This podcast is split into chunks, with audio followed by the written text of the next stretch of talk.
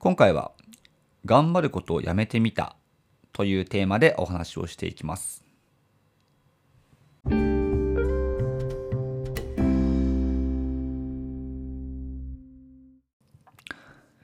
皆さんこんばんは。ヒロトのフラット独り言、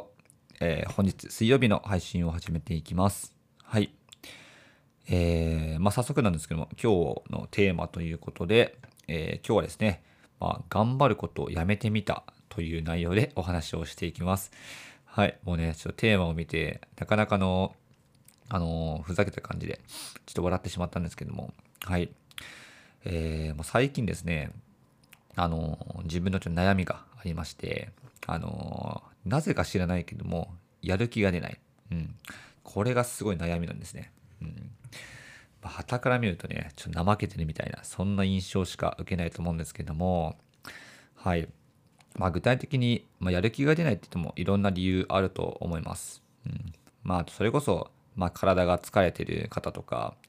あとは寝不足の人とか、うん、あとは、まあ、精神的にちょっとね、疲労感があるとかね、そういういろんな理由とあると思うんですけども、まあ、中にはですね、まあ、なぜか知らないけども、なんかやる気が出ない。なんか気持ちが上がんないみたいなね。別にそんなに、まあ、体は疲れてもないし、まあ睡眠もそこそこ十分にとってるし、うん、なんか不安なことがあるわけでもないしっていうことで、まあ単純に、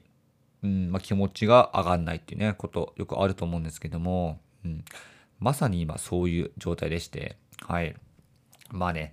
再三いろいろとなんか、あの、けん玉やりますとか、ちょっとね、FP を極めますとか、いろいろ、あの、配信で言ってはいるんですけども、うん、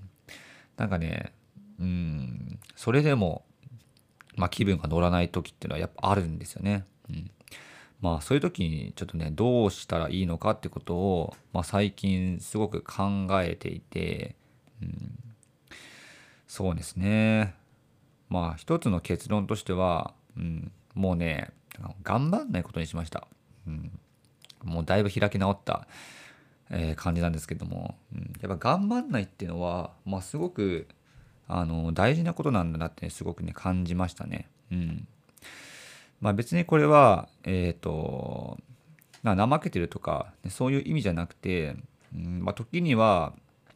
えー、体の力を完全に抜いて、うん、何もしない時間っていうのも、まあ、すごくすごくあのまあ、今の世の中本当にねいろんな情報がはびこっていますし、うんまあ、それこそなんだろうな、まあ、自分より、まあ、すごい人なんかはたくさんいるわけであって、まあ、そういう人がね、えー、非常に有益な情報を、まあ、どんどんどんどん SNS とかを通じて、ま、発信をして、えーまあ、それをねちょっと見るたびにああ自分もっと頑張んなきゃなっていう思う機会多分多いと思うんですよね。うん、まあそういうあの環境っていうのがあの、まあ、自然と整ってしまってるからこそ、うん、なんか自分と他人を比べる、まあ、そんな時間っていうのが、えーまあ、無理やり、まあ、設けられてしまってる、うん。ま、そんな世の中なのかなと思ってまして、ま、だからこそ、うん。ま、本来だったら、ま、そこまで頑張らなくてもいいんじゃないのっていう、ま、ことでもなんか、まあうん、今の自分のまあ、努力っていうのは周りに比べたら、ま、大したことないっていうふうになんか自分で自分で思ってしまって、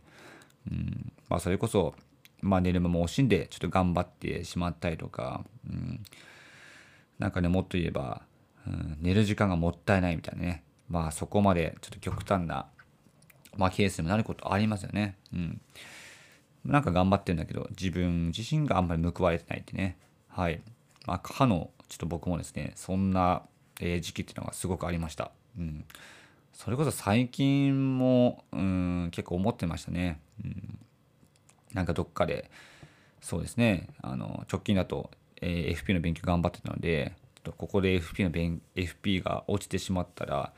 うん、自分はちょっと、まあ、どうしようかなとか、うん、ちょっと受かんなかったらまずいなとかねまあ、もちろんあの合格するためにやってはいるんですけども、うん、なんかそういう、まあ、落ちた時のまあ、ネガティブな要素っていうのも、ま、考えてしまったりとかするので、うん、だからぶっちゃけそんなになんだろうな、まあ、うまくいかなきゃうまくいかなきゃというふうに、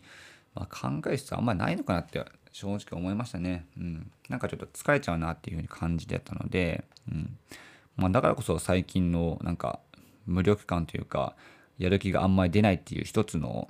あの理由でもあるのかなって思っていて、うん。まあそういう時は本当もうね、まあ、寝るのが一番かなと思いました。うん。そうですね。まあ結構もう真面目な性格の人とか、なんかもう向上心が強い人とかは結構ねこういう状況に陥ってしまう、まケースがまあ多々あるのかなって思うんですけども、うん、なんですけども、うん、やっぱりですね、まあ、人生の目的とか、うん、何のために自分は生きてるのかとか、まあ、そういうことを考え出したら多分キリがないと思いますし、うん、まあそれこそ何ですかね目の前のことに楽しむことはできない、まあ、一つのまあ、大きな大きな、まあ、要因にもなってしまうと思うので、うん、やっぱり、まあ、考えすぎずもう疲れた時休む。そして寝る。でまた、えー、体力が回復し回復してきたら、うん、自分のやりたいことに取り組む、うん。まあ、仕事に取り組むみたいな、ね、それぐらいのなんだろう構えで、まあ、いいのかなってことを、まあ、ここ最近、まあ、考えるようになってもう若干気持ちがあの楽になりましたね。うん。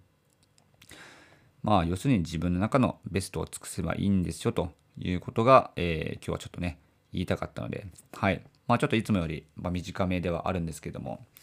えー、今日は頑張ることをやめてみた。ということでお話をさせてもらいました。はい。えー、まあ、これを聞いてですね、もしも今、なんか自分の中でモヤモヤしてるなとか、なんとなく、ま自分が頑張ってることが報われていないなとか、そういうことを感じた方がいらっしゃったら、うん、もう全然あなたは頑張ってるから、